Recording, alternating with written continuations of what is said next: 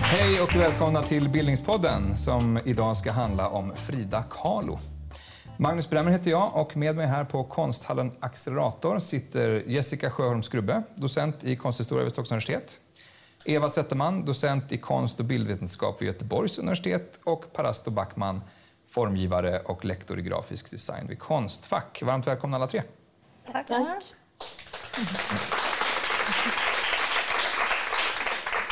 Vi spiller ingen tid. Jessica, vem var Frida Kahlo?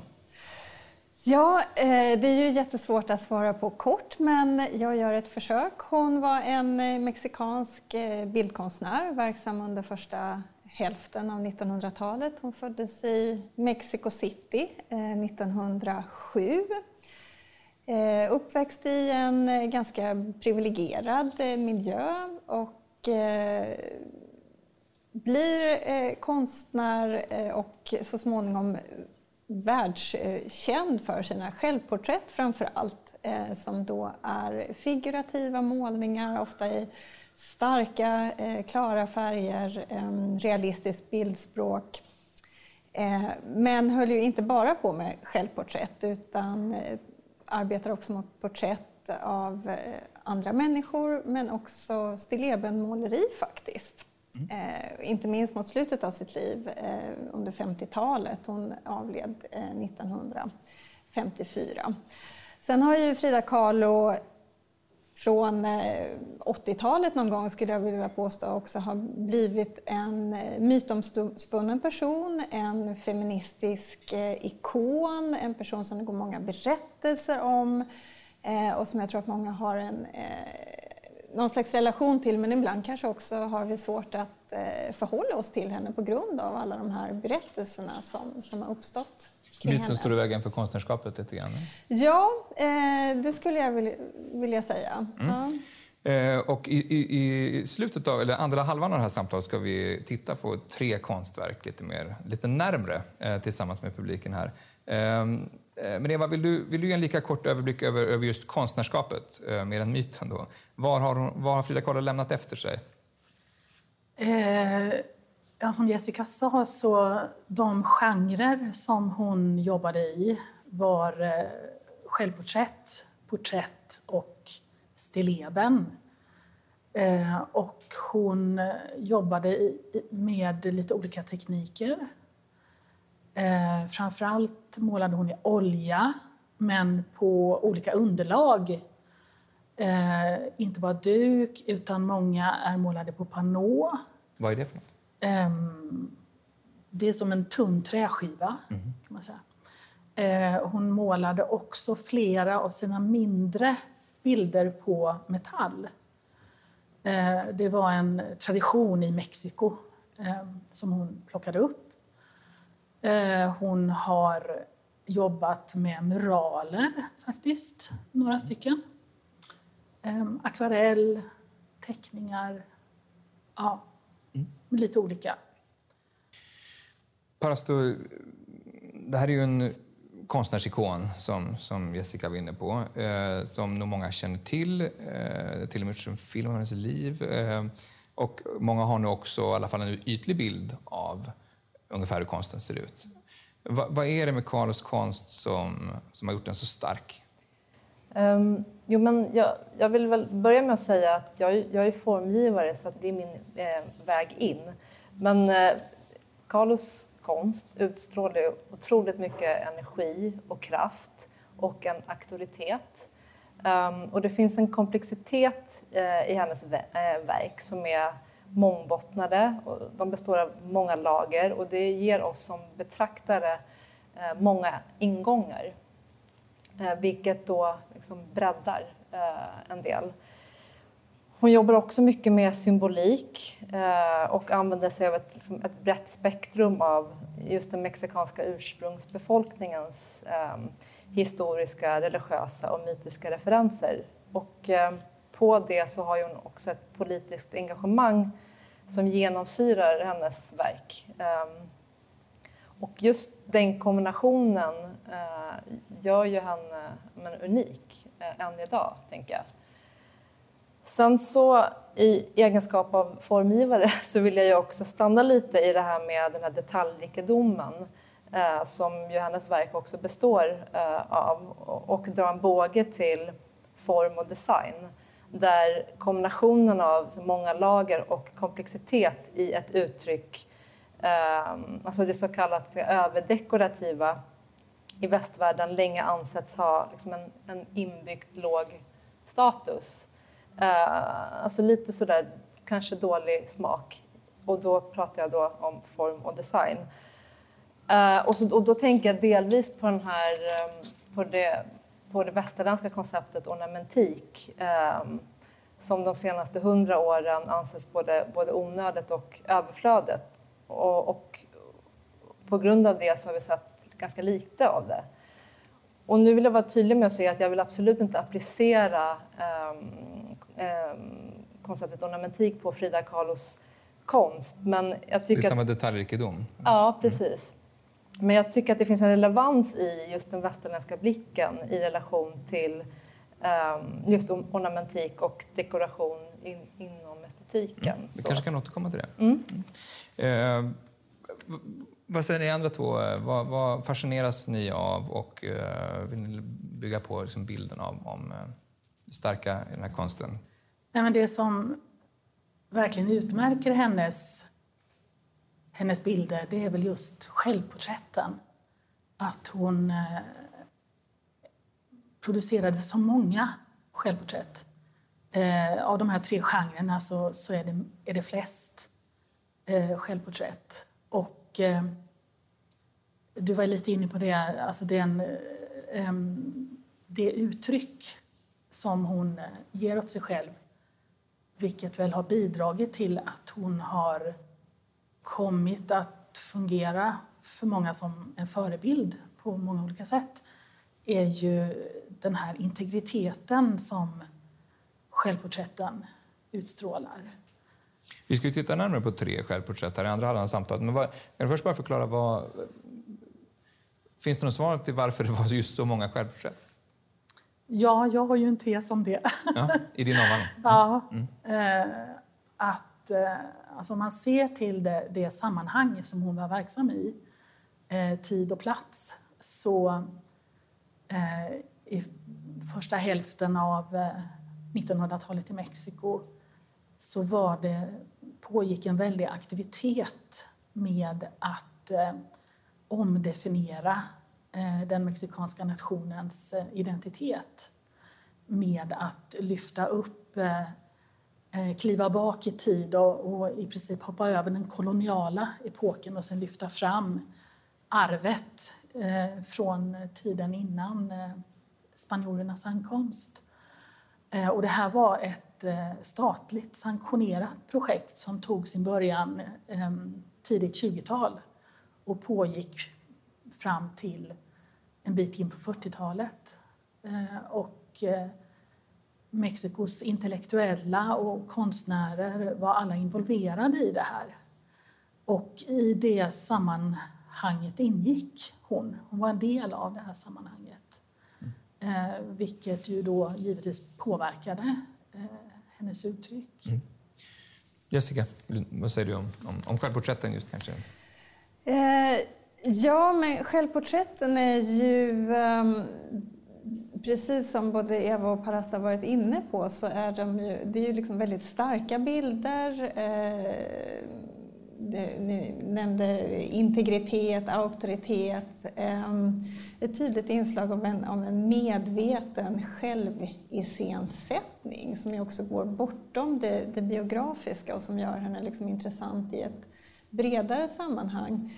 Ehm, men jag fascineras faktiskt också av att hon skildrade andra eh, saker, att hon inte väjde för vissa typer av teman i sitt konstnärskap. Att hon till exempel har målningar som skildrar en, en födelse av ett barn eller om det möjligtvis är ett, eh, en kvinna som avlider i samband med en födelse, det beror på hur man tolkar den här bilden. Eh, kvinnomisshandel, självmord, eh, alltså svåra eh, teman och att hon inte väjar för dem tycker jag också är intressanta. Att hon framställer den typen av tematik med en självklarhet.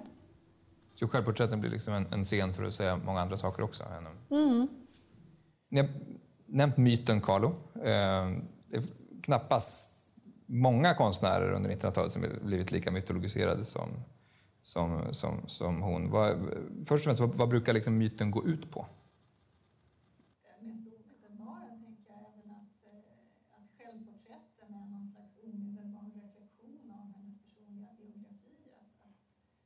Eh, och att det kanske var så som de här porträtten eh, förstods när Frida Kahlo lyftes fram i ett bredare sammanhang av konsthistorikern Hayden Herrera på 1980-talet som skrev den här första stora biografin som fick ett brett genomslag. Att, att den i princip gick ut på att porträtten bara handlar om henne själv så att säga, att det är som en visuell dagbok nästan. Ehm, och det där är ju ett problem som eh, som många konstnärer, inte minst kvinnliga konstnärer, får, får, får dras med. Så att, säga. att man läser den professionella verksamheten som ett slags eh, en, en, en, direkt avspegling av vad som händer i det personliga. Men, men eh, lite mer komplicerat än så är det ju såklart. Eva? den här biografin som eh, publicerades eh, i början på 80-talet Eh, på första engelska och sen översattes till massa olika språk, bland annat svenska. Ehm, och som fick en väldig spridning. Det är, det är egentligen genom den som de här mytbildningarna kring hennes eh, framförallt livsberättelse eh, på något sätt cementeras och finns fortfarande kvar. Och utifrån... Har du exempel där på vad, vad i hennes liv som brukar plockas upp? Eh, och det är framförallt tre spår. Mm. Ett spår är ju att hon eh, sörjde över eh, barnlöshet på grund av att hon fick så många missfall. Eh, det är en. En andra är att hon led hela livet på grund av ett kroppsligt förfall som, som hade sin orsak eller sitt upphov i en trafikolycka på 20-talet. Och eh, den, den tredje um, den stora mytbildningen uh, som brukar um, skrivas fram i olika sammanhang det är uh, den här, det här temat skönheten och odjuret. Att hon var den stackars ehm, kvinnan gift med Diego Rivero som var en stor kvinnokar. Mm. Och att hon led även i relation till honom. Då. Mm. Eh, och är det här då, teman som man har också velat läsa in då, hennes konst, ja, utifrån hennes ja, konst? precis. Och det är det som är problemet egentligen. för att Framför allt skulle jag vilja påstå när det gäller just Frida Kahlo. Den här biografin som skapar de här myterna, och det här är tre, det är fler i den här biografin. Och att eh, författaren sen läser bilderna mot bakgrund av de här skapade myterna mm. och liksom läser in då visuella tecken som bekräftar mm. den här berättelsen. Då. Man blir eh. klar med konsten lite snabbare också då, om man hela tiden har biografin att, att bryta emot, så att säga. Bilden eh. slutar där någonstans. Ja, precis. Mm. precis. Det blir som, bara som en bekräftelse mm. på någonting. Men, ja, jag, jag tänker just att att det är problematiskt på grund av, och det är, det är inte bara med Frida Kahlos konstnärskap utan generellt om man ska förenkla någonting, paketera det för att kunna sälja mm. det. Uh, och jag tycker att det här är ett väldigt bra exempel på det. Uh, man kan också koppla, koppla på då en massa annat som har kommit med det här som är så här, merch. Alltså att, man, att man har börjat producera um, saker uh, som, som liksom blir lite som en, som en del av det här paketet. Och att man då uh, sorterar bort alla andra lager som just är det, det mångbottnade i, i hennes arbeten. Så det blir som, mm. en, som en form av kommers. Mm. Va, eh, vad skulle du säga är Frida Kahlos viktigaste bidrag till 1900-talskonsten? Finns det några, några saker som ni vill peka på särskilt? Så hon var genuint banbrytande? Ja, jag skulle vilja påstå att det finns några saker. Mm. men det är just självporträtten och sen lite det som du var inne på Jessica, det med de teman som hon lyfter. Eh, feministiska teman där hon är väldigt tidig. Alltså redan från 30-talet när hon börjar eh, lyfta frågor som har att göra med kvinnlig kropp och kvinnlig sexualitet och tabun kring kvinnlig kropp och kvinnlig sexualitet. Och hon gör det på ett väldigt liksom, rättframt sätt.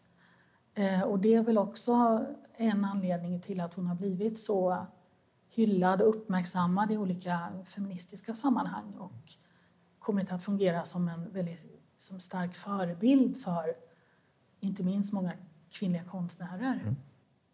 Jessica?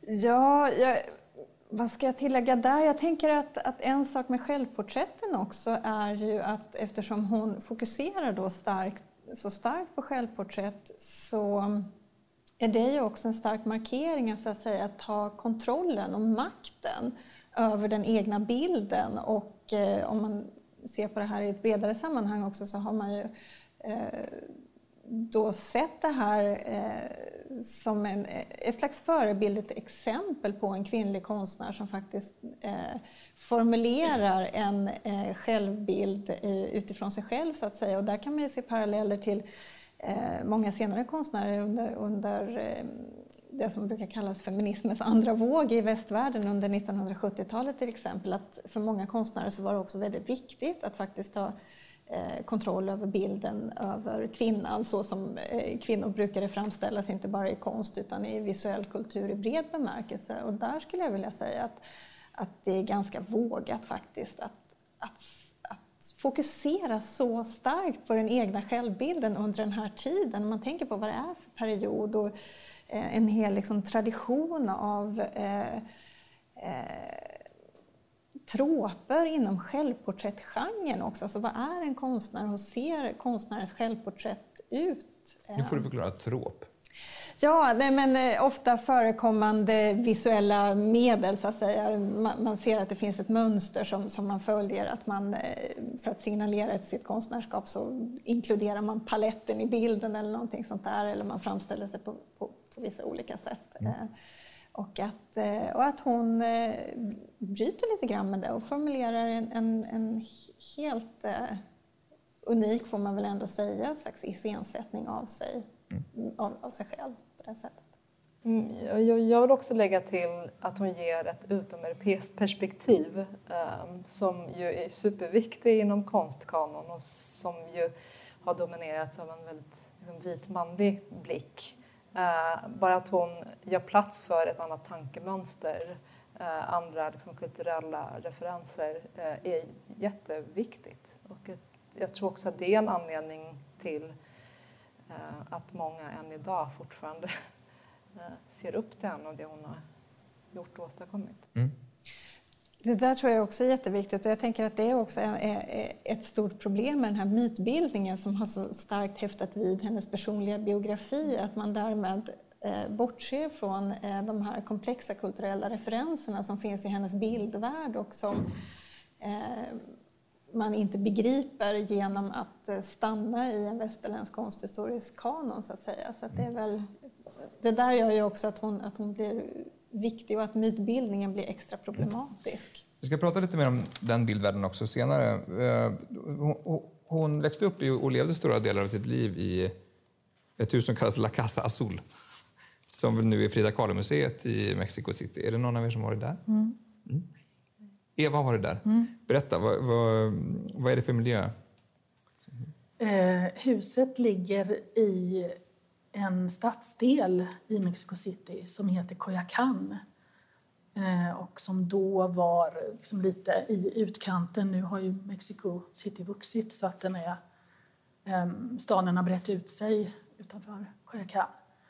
Eh, och det är en stadsdel som är väldigt pittoresk. Ehm, husen är målade i ehm, starka färger, envåningshus, en liten plaza, ett torg mitt i stadsdelen och eh, där köpte hennes pappa ett hus. Och eh, husen ligger ut med eh, ytterkanterna av eh, kvarteren. Så att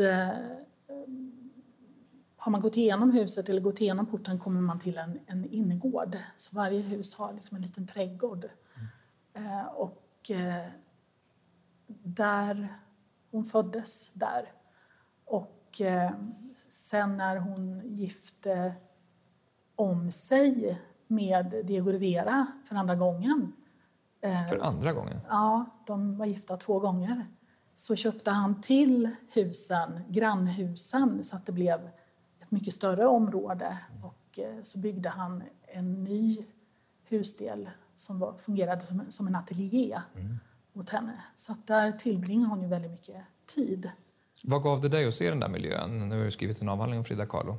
Gav det, någon, det var väldigt spännande. Mm. Otroligt spännande. För att, um, hon dog 1954 och tre år senare så dog hennes make Diego Rivera. Och då donerade han huset med alla inventarier, alla målningar, hennes ateljé, biblioteket med alla böcker, allting. Och det var ju också inrett på ett väldigt speciellt sätt. Mm. Eh, väldigt genomtänkt att allting skulle signalera någonting som var typiskt mexikanskt mm. eh, och i väldigt starka färger. Eh, så han, han testamenterade huset eh, till det mexikanska folket. Mm. Och det skulle förbli orört. Det fick inte göras om. Eh, och sen några år senare så inrättades det som en stiftelse och så har man försökt bevara då huset och eh, Det där lägger ju lite grann grunden för en mytbildning också på sätt och vis, att ens hemmiljö är ett konstverk i sig. Ja, faktiskt. Men som ju var hans beslut i det fallet då kanske? Ja, de kanske hade diskuterat det, mm. jag vet inte. Men det är fantastiskt att eh, besöka. Mm. Det finns saker att upptäcka liksom, överallt. Eh, man pratar om det, det mexikanska eh, folkliga inslaget i konsten, men det är också en, en väldigt politiskt engagerad person, Frida Kahlo. Vill du säga något om, om, först och främst bara på vilka sätt hon, hon var det? Hon var kommunist. Mm. Vi börjar där. Okay.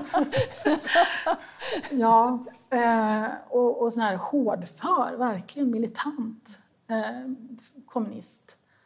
Eh, hon gick med i ungkommunisterna eh, när hon var ja, 15, någonting sånt. Eh, och det var genom kommunistpartiet som hon träffade Diego Rivera. Mm. Eh, för han var också medlem.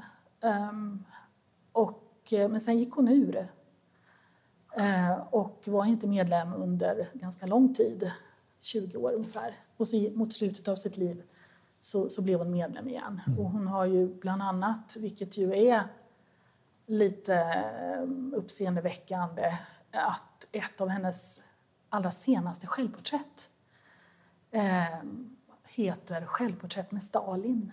Mm. Det är målat 53-54 mm. någon gång. Mm. Men Jessica, skulle du säga att det är, är det politisk konst också, mycket av det hon har gjort?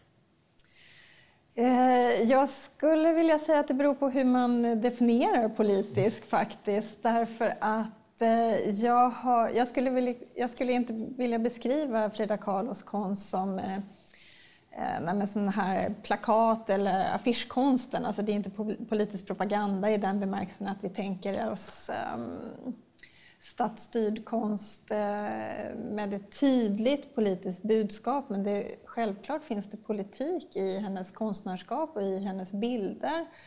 Eh, bara på grund av den, eh, det faktum hur hon iscensätter sig, att hon i sitt sätt att framställa sig själv väldigt medvetet och anknyter till den här förkoloniala tiden som Eva talade om. Eh, de politiska inslagen såklart med, med Stalin, det är svårt att inte se någon politik i det naturligtvis. Så att, eh, men, men in, inte med ett slags didaktiskt riktigt uppsåt kan jag inte se. Mm. Utan eh, mer komplex och därmed också mer intressant, enligt mig i alla fall. Mm. vad säger du? Ja, men jag tänker att det öppnar upp för en större fråga om vad så här, politisk konst är. Eller vad, vad, är politiskt och vad är icke-politiskt? Mm. Uh, Så det är klart att det genomsyrar. Hon var ju politiskt aktiv och aktivist. Eh, så, så det är klart att det genomsyrar det hon gör. Men, men ja, allt, allt är väl mer eller mindre mm. politiskt. Så. Feministiskt då? Jag pratar med henne som en feministisk ikon. Ja, absolut. Jag mm. tyckte ni förklarade det båda två väldigt bra där med hur dels hur hon jobbar med sig själv eh, som kanaliserar det liksom genom, genom, genom sig själv mm. i sina självporträtt. Eh, men också att hon tar upp just eh, frågor som är knutna till kvinnor eh, på ett sätt som kanske inte gjordes. Mm. Så ja, det skulle jag säga. Eh, för att fortsätta med etiketterna, hon har kallats för surrealist också. Eh, en, en, en rörelse som har sina rötter i, i, i Paris på 20-30-talen. Ehm, dels vad menar man och stämmer det? Vem vill ta den bollen? Ja, jag, jag, kan börja med eh, bara det här med vad, vad, menar man? För att det har jag faktiskt också alltid undrat. Eh, jag, kan inte, jag kan förstå den kopplingen därför att det handlar ju om att eh, Frida Kahlo hade kontakt då till exempel med den franske surrealisten André Breton. Han var i Mexiko. Hon ställde ut på utställningar arrangerade av eh, Breton och andra och Eh, hon ställde också ut på en stor surrealistisk utställning i, i Mexico City. Så det är klart det finns en koppling där, men själva begreppet surrealism och så som vi vanligtvis förstår det, det har ju att göra med det som, som Parasta var, var inne på här tidigare, att det är ju ett begrepp och en, en eh, slags konstnärlig och litterär rörelse som faktiskt är grundad och definierad utifrån en, en västerländsk situation. Och sen kommer då André Breton och andra och upptäcker så att säga Frida Kahlos konst och sätter den här etiketten på den utan någon riktig förståelse för vad det är hon sysselsätter sig med. Och jag kan inte se att det finns någonting som kopplar ihop henne med den västerländska surrealismen och vad jag förstår så gjorde hon ju inte det själv heller utan var ganska upprörd över den här etiketten som, som klistrades på henne utifrån. Eva, vill du lägga till något? Där? Ja, det stämmer att hon själv inte betraktade sig alls som surrealist. Eh, utan det var ju surrealisterna som tyckte att, att hon var det. Eh, och framförallt Breton då. Eh, men ehm, just det här att eh, utifrån det europeiska perspektivet inte kunna se de här många referenserna som inte alls handlar om övernaturlighet eller drömtillstånd eller hallucinatoriska tillstånd utan det är andra typer av referenser helt enkelt. Det undermedvetna och drömvärldar och lite sånt där? Ja, mm. precis. Det är inte det i Frida Kahlos, okay. mm. skulle jag vilja påstå. Mm. Det är väl läge att börja eh, titta närmare på Frida Kahlos konst. Mm. Eh, så vi ska ta fram eh, tre konstverk nu. Den första, det första konstverket heter Den brustna pelaren. La columna rota från 1944. Eh, vi har det framför oss här i lokalen, men ni som lyssnar på det här efterhand ni kan gå in på anekdot.se och titta på de här konstverken. Men, men eh, Eva, du kan väl ändå bara beskriva vad vi ser? Ja, det är ett självporträtt i halvfigur eh, där hon har återgett sin självbild stående frontalt framför ett landskap, ett eh, ganska eh, öde landskap som sträcker sig bort mot horisonten. Eh, och eh, landskapet är genomkorsat av eh, liksom, djupa revor hon har en korsett kring sin kropp. Den är också övershållad med spikar. Ehm, och sen är det en öppning där man ser en eh, kolonn som håller, också precis som landskapet, håller på att eh, krackelera eller falla sönder. En pelare som också är någon slags ryggrad, eller? Du börjar tolka här kanske? ja, man gör det. Eh, Jessica, eh, ni fick ju önska, ni fick väl önska målningar. Det här tror jag var den du önskade? Ja, va? det stämmer. Var, varför, eh, vad tycker du är intressant med den här målningen? Eh, det, det, var ju rent eh, personligt, höll jag på att säga. Men, ja, men lite så. Det här var faktiskt det allra första självporträttet av Frida Kahlo jag såg någonsin. Eh, och, eh, som gjorde att jag började intressera mig för hennes konstnärskap överhuvudtaget. Och den här bilden tyckte jag var så eh, fascinerande och komplex. Jag kunde inte riktigt förstå vad det var det handlade om. Eh, jag förstod eh, referenserna till en kristen bildtradition. De här spikarna som då finns på hennes kropp är ju tydliga referenser då till till kristna bilder av eh, Sebastian till exempel som vi känner igen från Västerländska konstmuseer över eh, äldre konst. Eh, där han skildras bunden vid en pelare.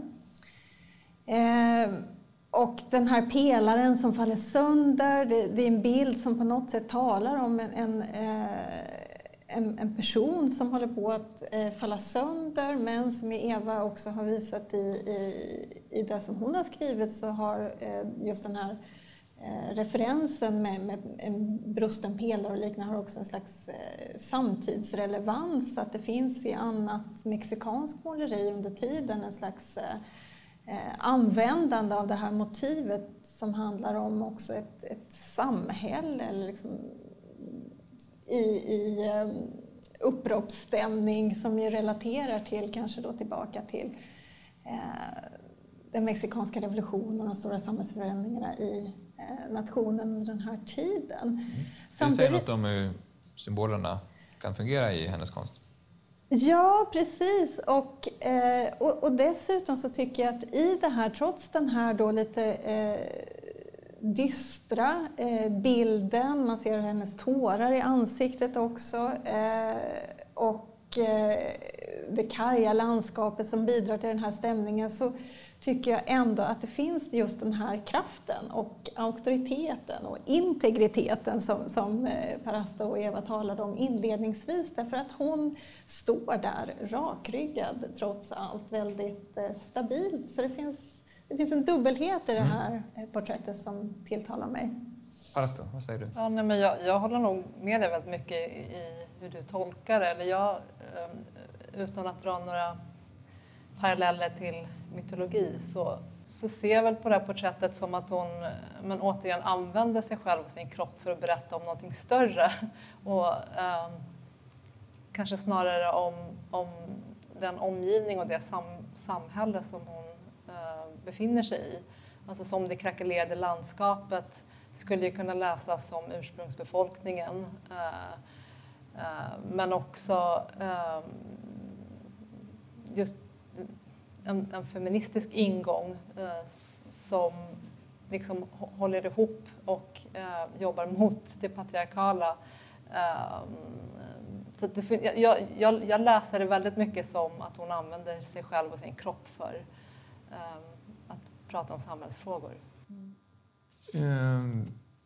Jag tror vi går vidare till, eh, till nästa bild. Ni fick väldigt, väldigt mycket där. Ehm, nästa porträtt eh, som jag har varit med och valt här är ett självporträtt med eh, ett halsband av Törne.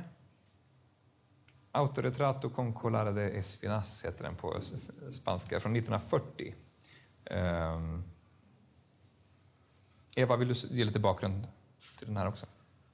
Um, ja, det, här, det här är ju ett av hennes många självporträtt uh, där fokus är på ansiktet.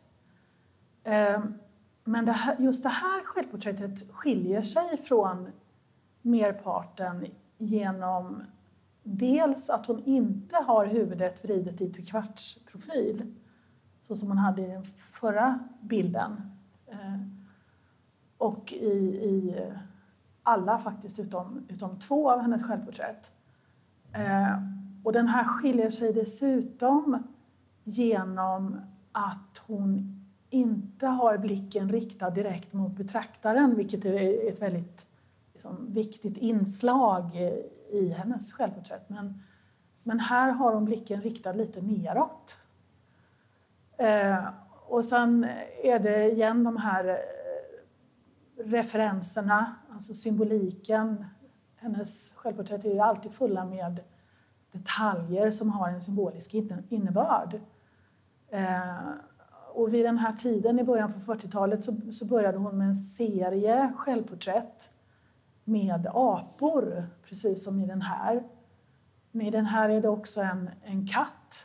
Eh, och det här är ju två djur som har sin symbolik. Eh, subversiva symboler.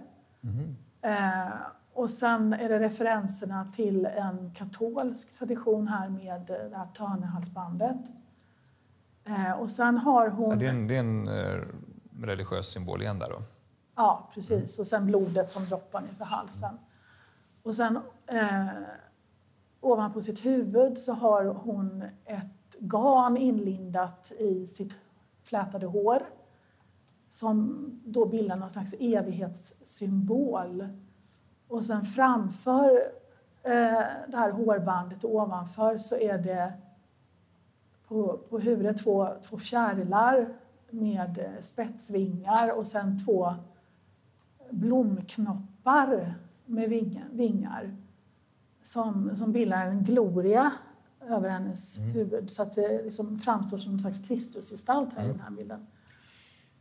När man pratar om symbolik i, i, i, konst så kan det lätt bli som att man ska knäcka någon slags pussel eller något skiffer om dolda betydelser som också är, det ska finnas en intention bakom. Sådär.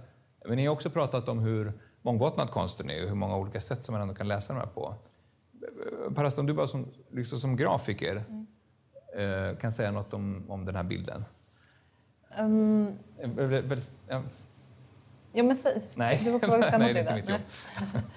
uh, nej, men ja, absolut. Den är ju verkligen mångbottnad. Um, och utan att gå in och börja tyda eh, uh, symbolerna eller symboliken så just att hon jobbar med så mycket, alltså med så många lager uh, gör ju, uh, gör ju eh, målningen otroligt uh, rik och intensiv.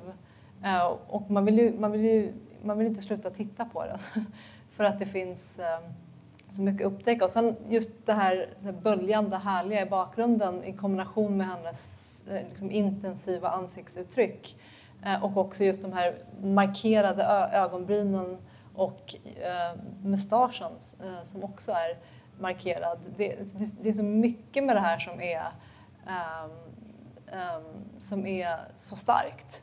Mm. Jessica?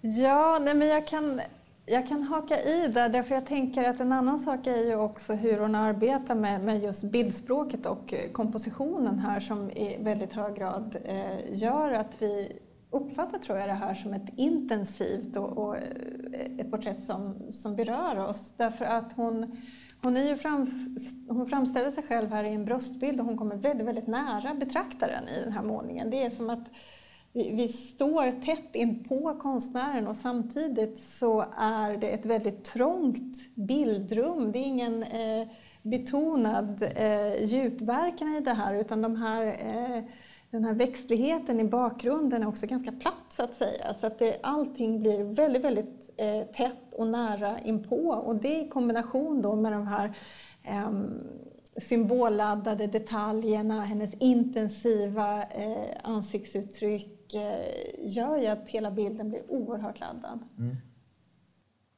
Vill ni säga någonting till här innan vi går till nästa?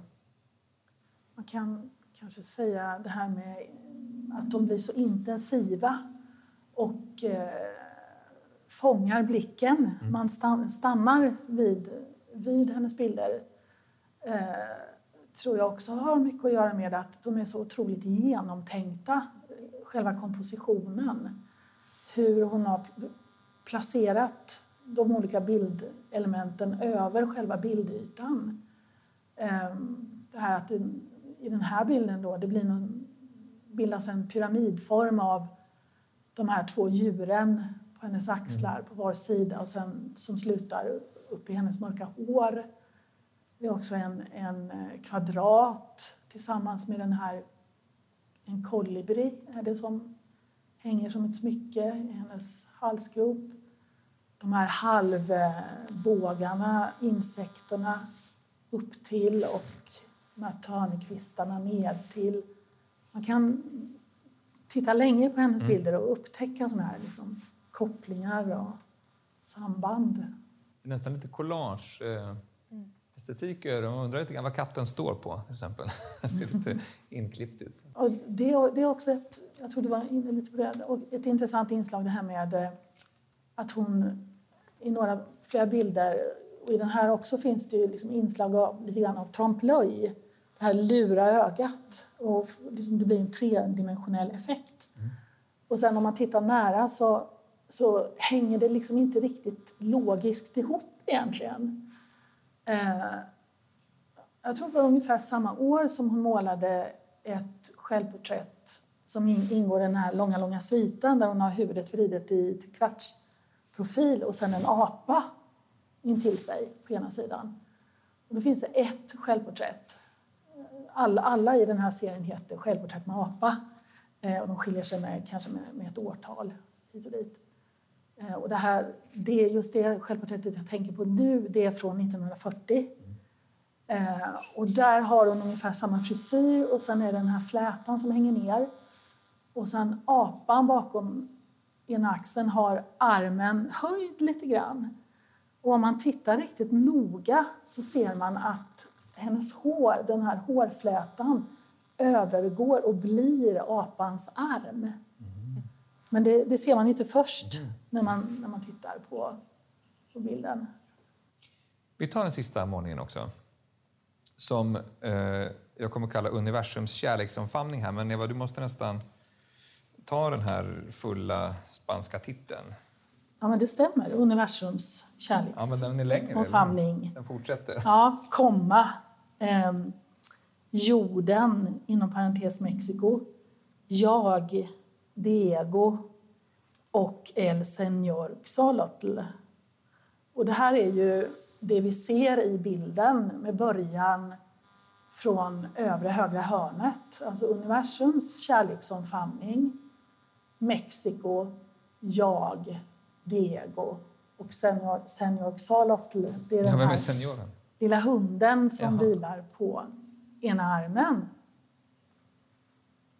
Um, vad kan man säga om den här? Den... Är, det en, är det en mytologisk figur, senior, eller är det ett husdjur? Ja, det, hunden föreställer... Det är en hund, det var en astekisk hundras som fortfarande fanns kvar och som hon själv hade flera av, väldigt exklusiva hundar. Eh, hon hade flera, och bland annat en som hon kallade för Senior Xolotl.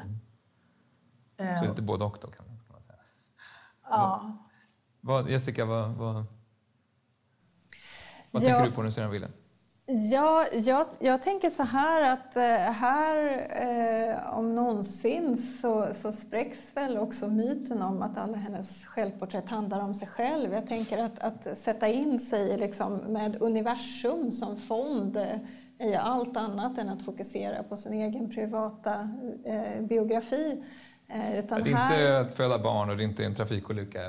Nej, det är universums nej, omfamning. Ja, det, det, är, det är universums omfamning och Frida Kahlo sitter där i, i mitten med Diego då transformerad till ett naket litet barn i hennes eh, knä. Med, men, med tredje öga slag, Med tredje öga i pannan, precis. Eh, så det är väl ett bra exempel också på ett, ett porträtt som svårligen kan, tänker jag, tolkas eh, som en ren biografisk referens. Men det är klart, eh, det har det, det här porträttet ändå gjort så att säga eftersom vi har Diego-figuren här. Men sen har vi också de här, det är återigen en komplex bild. Dels den här hunden då som Eva har förklarat, men jag tänker också på det här med, med solen och månen som existerar parallellt. Och, eh, som förekommer i en del kristen ikonografi men som också finns i eh, de katolska traditionerna i, i Mexiko och liknande. Det finns också de som har velat peka på Carlos eget intresse för naturvetenskap och liknande, att hon eh, var intresserad av eh, astronomi, fysik, eh, liknande. Eva, du har ju varit, du har varit i hennes bibliotek, eller hur? Och sett att eh, också kunna se ur biblioteksbeståndet, så att säga, vad är det för mm. typ av litteratur eh, hon, läser? Och där man också har den här vida utblicken. Ett otroligt brett område. Mm. Eh, och, och där ett, en slags eh, intresse då för eh, konst, eh, politik, samhällsfrågor, eh, den förkolumbianska kulturen alltid mm. Eh, finns med. Parasto, vad säger du? Du talade om mycket detaljer tidigare. Här har vi, här, här har vi, här har vi mycket detaljer. Här har vi en mångbottnad eh, målning. Men eh, det, det som lyser starkast är ju just det som Jessica är inne på här också med, med just att hon är ett med naturen och ett med Moder Jord. Just också att, att, eh, att universum porträtteras som en kvinna och att hon tillsammans med Moder Jord då håller i den här lilla mansbebisen säger, det, det, är så, det är så mångbottnat och ganska roligt också. Ja, ja faktiskt. Eva? Ja, den, den är ju full av symbolik, den här bilden. Och någonting som är genomgående i hennes måleri det är ju de här referenserna åt två håll. Två kulturhistoriska arv. Eh, dels den, eh, och som var en del av det samtida projektet, med referenser bakåt i tid till eh, den förkoloniala epoken och som i hennes bilder, vilket inte alls var särskilt vanligt bland hennes samtida, att också föra in referenser till den koloniala katolska bildtraditionen. Och I den här så finns det ju, alltså själva bildkompositionen knyter an till katolska bildtraditioner som Jungfru Maria med Jesusbarnet där i mitten eller en Pietà eller en Anna själv tredje bild. Eh, det finns också många katolska bildtraditioner kring jungfrun.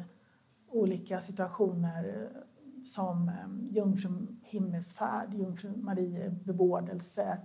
Olika eh, traditioner där jungfrun är liksom omramad av en mandorla, kallar man det. Det är som en, som en cirkel. Eh, men sen själva detaljerna, själva bildelementen pekar åt ett annat håll då, åt det här andra arvet. Eh, den här tanken om dualism, eh, den dualistiska... Alltså två, två enheter, mörker, ljus, dag, natt, sol, måne. Och sol och måne inte som platt platta emblem utan som tredimensionella klot. Och vi har månkulten och, och solkulten norr om Mexico City. Eh, kaktusen är också en jätteviktig symbol. Den finns ju till och med eh, införd i den mexikanska flaggan och är hämtad då från aztekisk mytologi.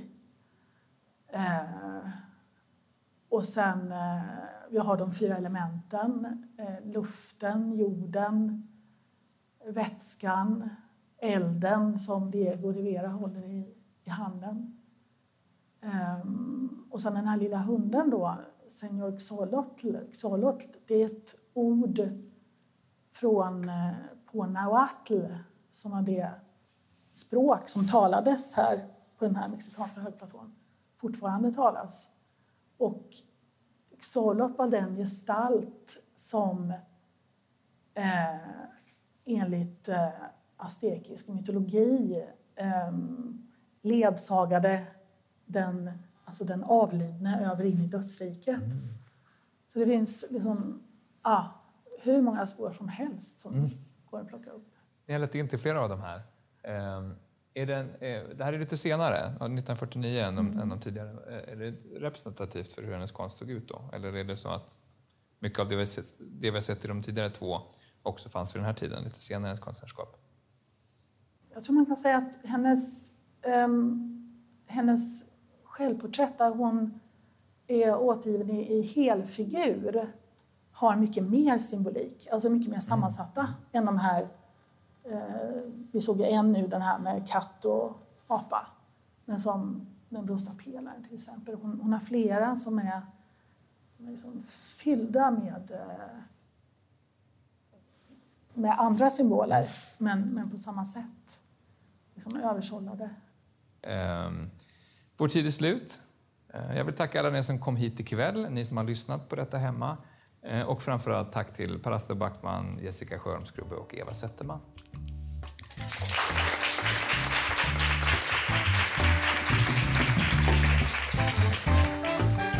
Du har lyssnat på Bildningspodden, en del av bildningsmagasinet Anekdot.